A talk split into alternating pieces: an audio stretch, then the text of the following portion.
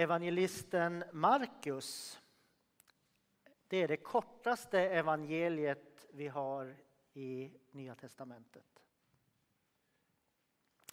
Det som är karaktäristiskt för Markus det är att han tycks älska intriger och konflikter. Han är en fantastisk berättare. Ni vet, de som är bra på att berätta, det är, liksom, det är den där konflikten eller intrigen som gör en berättelse så fantastisk. Det driver själva berättelsen framåt. Dessutom så älskar Markus att han älskar kontraster. Eh, och han eh, älskar kontraster gärna om det finns intressekonflikter. Så att eh, Jesus gång på gång i det här fallet tvingas ställas inför mycket svåra val. Och man tänker hela tiden när man läser det här, hur ska det här lösa sig? Hur kommer han att göra? Det blir nästan övertydligt i de här två berättelserna ur Markus som vi hörde Magdalena läsa. En människa, kvinnan med blödningar, hon som räknades som oren, inte fick röra sig bland folk för då blev ju de också orena. Det berättas att hon hade blödningar sedan 12 år och har gått på behandling efter behandling och förmodligen bara blivit sämre. Och så har vi synagogföreståndaren. Han som är ansvarig för synagogan, byggnaden och dess gudstjänster. Hög status.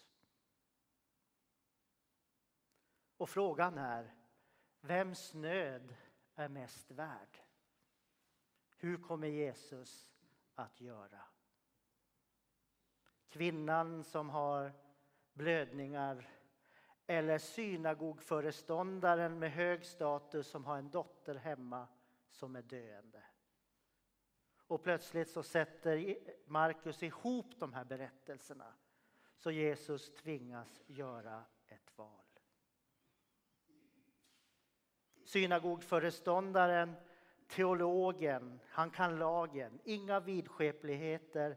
Jag tänker att han, när, han, när det uppdagades att han har en flicka, en dotter hemma som är döende, också hade provat alla möjligheter utom just det som händer i dagens text. Alltså att på något sätt ändå lösa det här med den tidens sjukvård att söka, söka lösa det här så lugnt och rationellt som möjligt. Förmodligen måste han ha känt till att det gick omkring någon snickare och började samla folk runt omkring sig. Markus antyder det innan. Som gick runt och helade människor och samtidigt ifrågasatte det som allt han stod för. Men flickan blir bara sämre och man kan tänka den här existentiella känslan hur desperationen i den här synagogföreståndaren liksom bara ökar och ökar och ökar.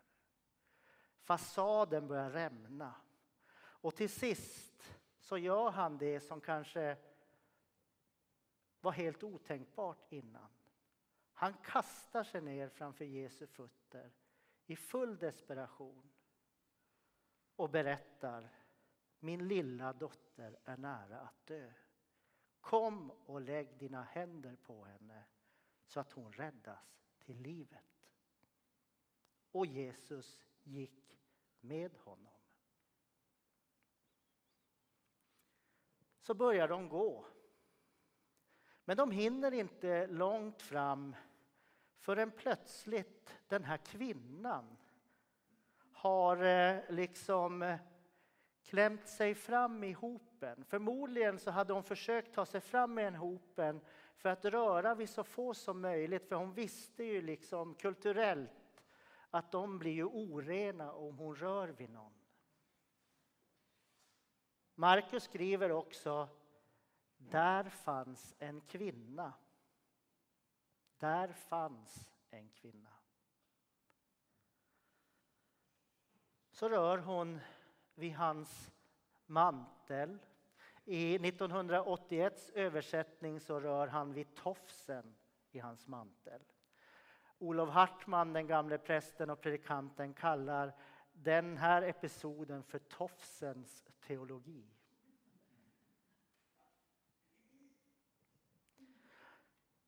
Hon är någonting helt annat liksom i tankesättet än synagogföreståndaren naturligtvis.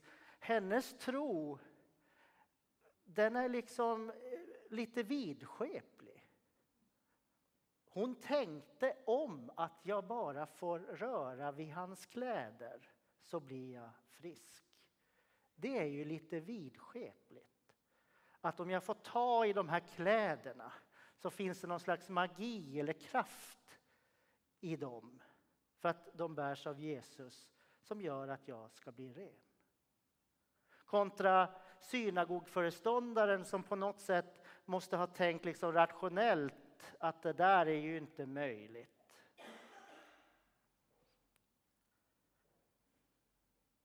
Men plötsligt så står de där. Han som är högst i samhället och hon som är lägst. Och inför döden så har de väldigt mycket gemensamt. Så finns ju lärjungarna där. Eh, och det här är ju den andra delen i intrigen, att för dem blir det här väldigt jobbigt. Eh, det står att det gick kraft ut ur Jesus när kvinnan rörde vid honom.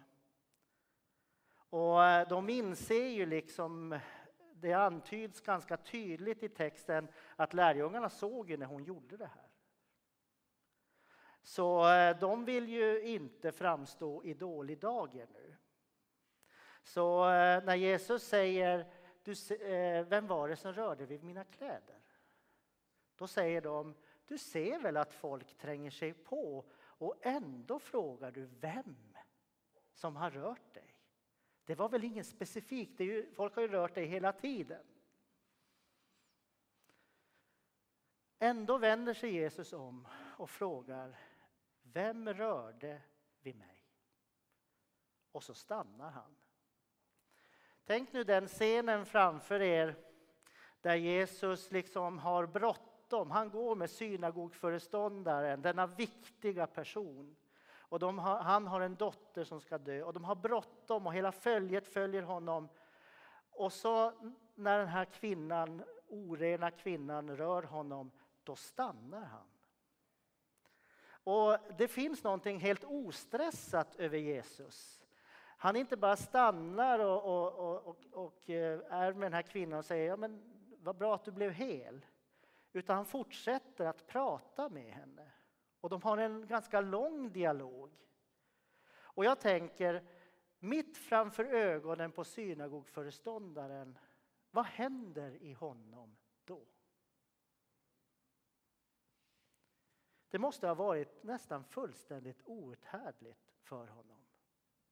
Och så kommer det ju. Medan han ännu talade kom det bud till synagogföreståndaren om att hans flicka hade dött.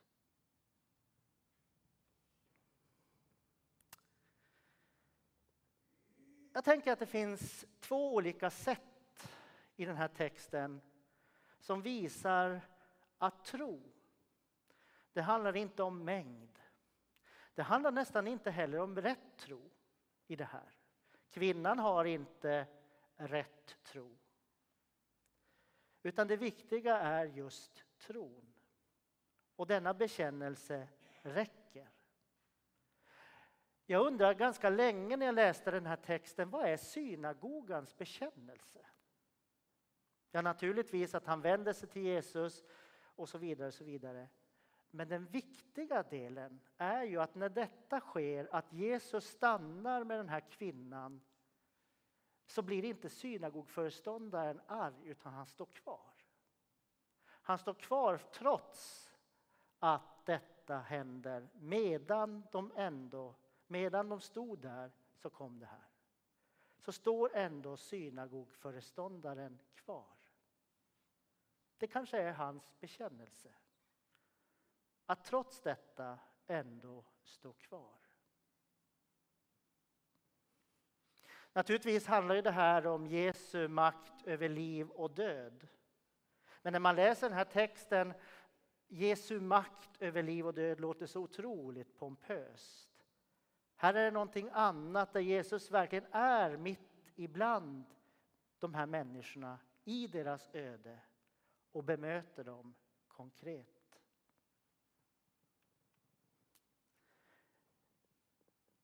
Kanske är det så att den här texten vill berätta någonting väldigt viktigt för oss. Hur mycket vi gemensamt vi egentligen har med varandra. Var vi än befinner oss i samhället, vilka livssituationer vi än lever med. Så har vi detta gemensamt. Dels att vi alla ska dö.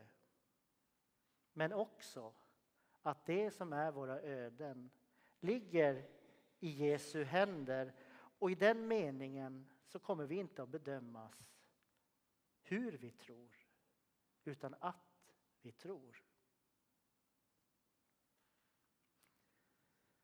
Kanske är hela den här äh, textens evangelium till oss. Att den lär oss att detta med liv och död, hela den liksom rörelsen, det schemat gör oss oerhört beroende av varandra.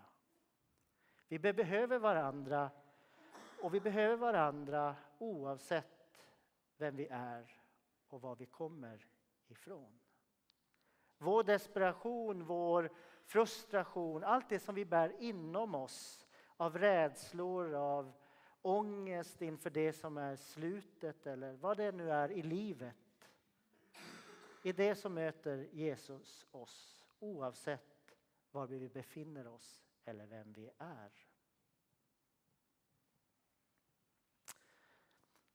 Jag har ibland funderat kring en berättelse som eh, Ernest Hemingway berättar. Han berättar en berättelse om eh, en pappa och en son som blir ovänner. Riktigt ovänner. Och de säger saker till varandra som gör det helt oförsonligt under många år mellan dem. Till sist så är det så att eh, tiden börjar gå ut för pappan. Och han känner att eh, jag vill försonas med min son, åtminstone försöka. Och Hemingway berättar att hos pappan finns det just denna desperation.